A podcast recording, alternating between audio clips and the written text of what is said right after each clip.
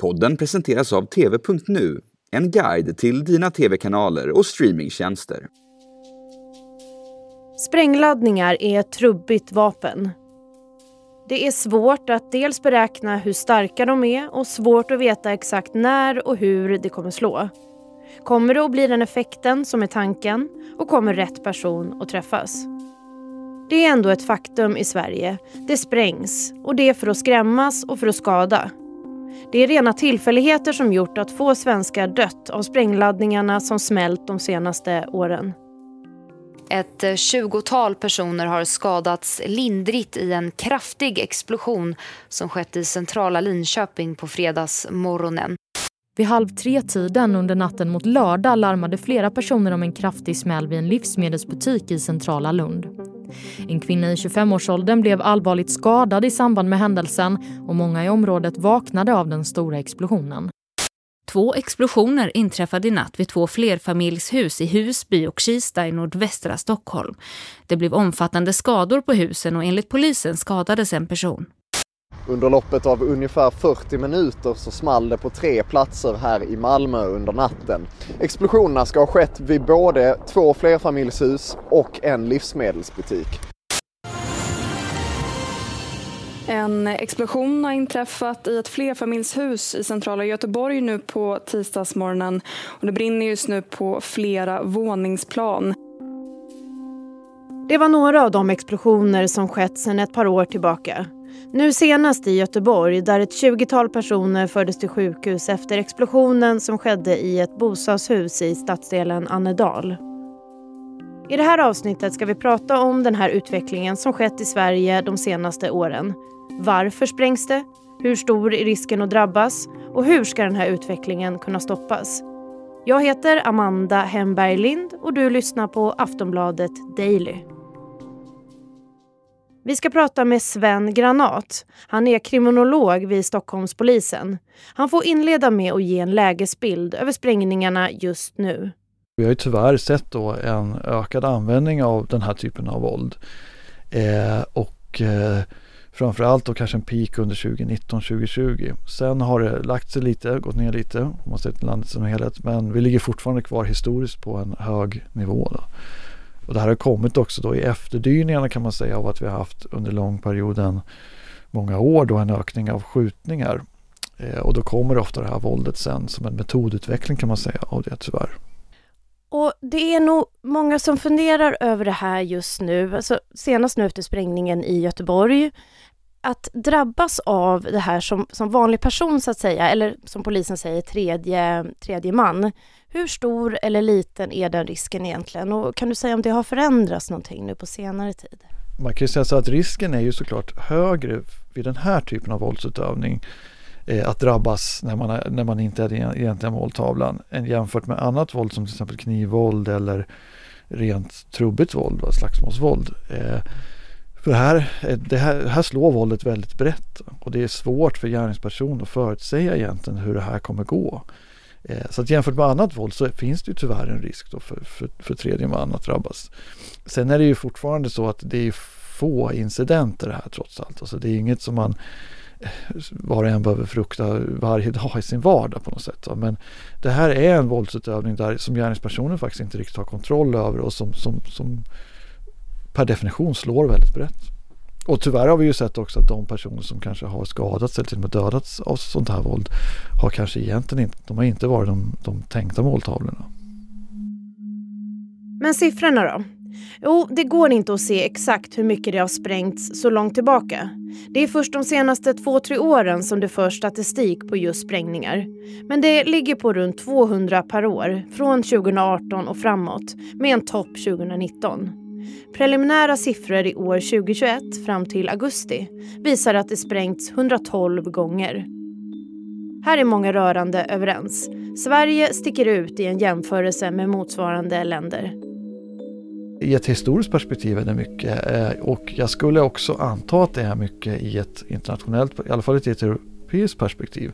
Även om vi inte har när det gäller sprängningar några exakta siffror som vi kan jämföra. Och Vi har inte siffror från andra länder på det sättet att vi verkligen kan jämföra det här fenomenet per capita. Eh, men likförbaskat är det på historiskt och, och även internationellt sett för alldeles för höga siffror. Sen, sen kan man ju säga att var, var och en löper ju inte, absolut inte någon risk varje dag att drabbas av det här. Men då i och med det du säger, vad, vad tänker du om den här utvecklingen då? Hur allvarligt är det om jag säger så? Det är klart att det är väldigt allvarligt just för att det här våldet och när det väl sker så, så, så drabbar det ju alltid tredje part på ett eller annat sätt. Så det blir stora materiella skador och väldiga skador på själva tryggheten också. Eh, och eh, det här är ju egentligen fullkomligt, alltså, det är fullkomligt ohållbart för att det kostar ju eh, enormt mycket resurser i det här också. Det skulle ju vara helt ohållbart om fler personer ägnade sig åt, åt, åt, det, här, åt det här våldet. Eh, och eh, just att man vet också att det här sker ju då inom ramen oftast kan man anta för yrkeskriminell verksamhet och organiserad brottslighet som i sig är en parasiterande verksamhet. Så att, om inte annat är det ju en väldigt upprörande utveckling.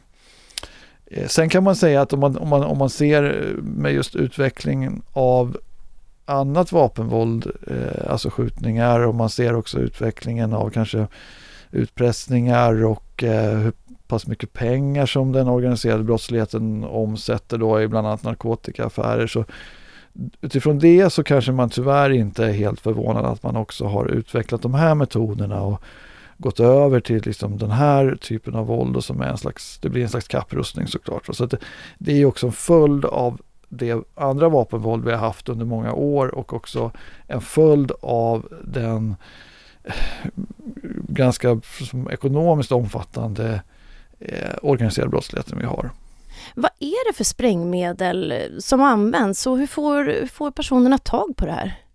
Grovt sett så, så, kan man prata om två kategorier. Dels så är det så att säga, hembyggda eh, bomber helt enkelt. Eh, där de viktiga komponenterna oftast är dynamit eller sprängdeg helt enkelt. Eh, och sen har man handgranater. Eh, och eh, handgranaterna de har ju smugglats in i landet ofta. Var man, man, man köper dem av någon kontakt. De vandrar ofta runt kanske liksom i, i de kriminella miljöerna mellan olika händer. De kan användas som betalningsmedel ibland för andra tjänster och andra varor. Eh, sen så tror jag de här bomberna, eh, där har man kontakt med vissa experter helt enkelt som har, som har lärt sig det här och eh, fått lite snurr på, verk, på, på den verksamheten. Då. Eh, men de kan, kan vi anta går kanske ofta också i, i, i ganska många led helt enkelt. Eh, sen är inte jag någon expert på det tekniska här, precis vilka komponenter man har i de, om, de hembyggda bomberna ska jag säga. Men skadorna då, handlar oftast om, om skador och, och skrämsel, kan man säga det? För det är ju inte så många som har dött i Sverige av sprängningar. Tack och lov är det inte, är det inte många som har avlidit än. Eh, och det är ju lite kanske en följd av rena tillfälligheter också. Det kunde varit fler. Eh, och, men visst är det så att det primära syftet är kanske inte att ha ihjäl en viss person med det här. Då hade man använt en annan metod. För det här är ett våld på det sättet, det är trubbigt, det slår brett, det är inte så effektivt på det sättet. Utan ja, orsak, alltså, motivet är oftast att visa upp ett skrämselkapital, skapa en hotbild, eh, förmedla sin våldskapacitet helt enkelt och, och, och, ställa till det så mycket att eh, personer som man då kan anse skyldig pengar till exempel ska betala eller så. Vi ska strax komma in på vilka det är som spränger, men först ett meddelande från vår sponsor. Filmkvällen du sett fram emot ska precis börja, men du kan inte minnas vad du skrev ner din kompis filmtips. När du äntligen hittat en annan film att se visar sig IMDB-betyget bara vara 3,7 och allt börjar om igen. Önskar du inte att någon hade berättat för dig att TV.nu finns, Sveriges största TV och streamingguide? Där du med en hjärtmarkering samlar alla tips på samma watchlist och där sökningar skräddarsys på bara dina valda streamingtjänster. Alltid serverat med IMDB-betyg, även från tjänster som inte själva visar det. Prova TV.nu idag och upptäck fler smarta features för en garanterat lyckad streamingkväll. Då fortsätter vi dagens avsnitt. Sveriges problem med gängkriminaliteten, där kriminella skjuter på varandra, hänger tätt ihop med sprängningarna. Den senaste explosionen i Sverige i ett bostadshus i Göteborg är dock ett undantag. Där tyder mycket på att det är en ensam person utan gängkopplingar. Men i de allra flesta fall handlar det om personer som tillhör en kriminell gruppering. Som vill skrämmas, göra det effektivt och komma undan med det. Vi ska höra kriminolog Sven Granat igen. Det är ofta så att har man, har man eh, använt sig av skjutningar och använt sig av den typen av vapenvåld eh, under en längre tid så går man ofta över till, till, till explosiver i vissa, i vissa fall. Så man då kanske ser det här är effektivare när, när det gäller att få igenom en utpressning till exempel. Va? Där vi verkligen vill skrämma personen att betala eller att, att det kan vara att inte vittna till exempel. Eh, och det kan också vara så att Eh, Eh, man har svårt kanske att komma åt eh, de här måltavlorna också för de vet hur man skyddar sig och sådär. Och då är, återstår det här att då får vi förmedla det här hotet med en bomb i porten istället. För vi kan i alla fall hitta en adress som är kopplad till den här personen. Går det att förklara varför kriminella verkar vara så förtjusta att använda bomber och sprängmedel? För det verkar vara trubbigt, du säger det, att det, man vet inte vem som drabbas. Eh, hur stor är den? Det verkar svårt också att veta magnituden av det man har skapat kanske. Dels är det då ett våld där man löper ganska liten risk att åka fast helt enkelt. Eh, för du har ju inte någon fysisk kontakt med måltavlan. Eh, du har egentligen inte någon kontakt mellan själva vapnet och måltavlan och inte nödvändigtvis med, med, med vapnet själv heller. Det sprängs ju. Alltså rent tekniskt är det svårt att liksom för polisen att gå vidare med de här brotten även om man vill klara upp vissa. Eh, eh och eh, då på det sättet är, är det ju liksom ett, ett äh, lämpligt våld om man säger. Va? Sen är det det här igen att vissa måltavlor kan vara svåra att komma åt också på andra sätt. Plus att man kanske faktiskt inte vill ha ihjäl personen heller utan man vill få den här att betala eller göra något annat. Va? Och då är det här, kanske kan det här ibland vara då ett effektivare våld än, än rena skjutvapenvåldet. Sen ska man också lägga till något tredje att med till exempel ett, eh, att konfrontera en person med skjutvapenvåld eller annat våld direkt, då har, löper du också en, en, en, risk själv. Du måste liksom möta den här personen. Det här är i någon mening ett bekvämt våld. Det låter kanske konstigt att säga samtidigt som det är väldigt brutalt och så är det också lite bekvämt. Du liksom riskminimerar för dig själv just då. Så brukar man höra från polisens sida att bevis sprängs bort helt enkelt, eller hur? Ja, det är också, det, återigen så är ju det också en av orsakerna till att man tar till det här. För det här eh, du, du, löper ganska liten risk att liksom bli bunden till det här själv. Och man ska också veta att de här brotten tror vi i alla fall utförs ganska mycket i projektform. Så man kan ha en anstiftare som är en person och sen en projektledare som i sin tur lejer en annan person som får placera ut den här så att liksom den som har motivet kan vara ganska långt bort egentligen. Och visst har polisen svårt att klara upp de ja, sprängningar det, som har skett? Ja, det är en låg uppklaring på, på de här brotten. Det gäller i och för sig många andra våldsbrott också, men i jämförelse med eh, mord, mord till exempel så är, så är uppklaringen betydligt lägre. Det är väl kanske ett av tio fall. Utifrån ditt perspektiv då, vilka är de viktigaste åtgärderna för att kunna komma till rätta med det här? Går det ens? Alltså I det kortare perspektivet så är det ju såklart att ändå försöka klara upp de här brotten och, och sätta dit de här personerna som är inblandade i det här. För det är ju inte jättemånga personer naturligtvis. Eh, ofta kan det vara liksom ett, som, samma personer som utför flera sprängningar också som ligger bakom. Det sker ofta i serier. Det är därför vi kan se att det går upp så här på vissa håll lokalt. Ibland det kommer ett skov helt enkelt.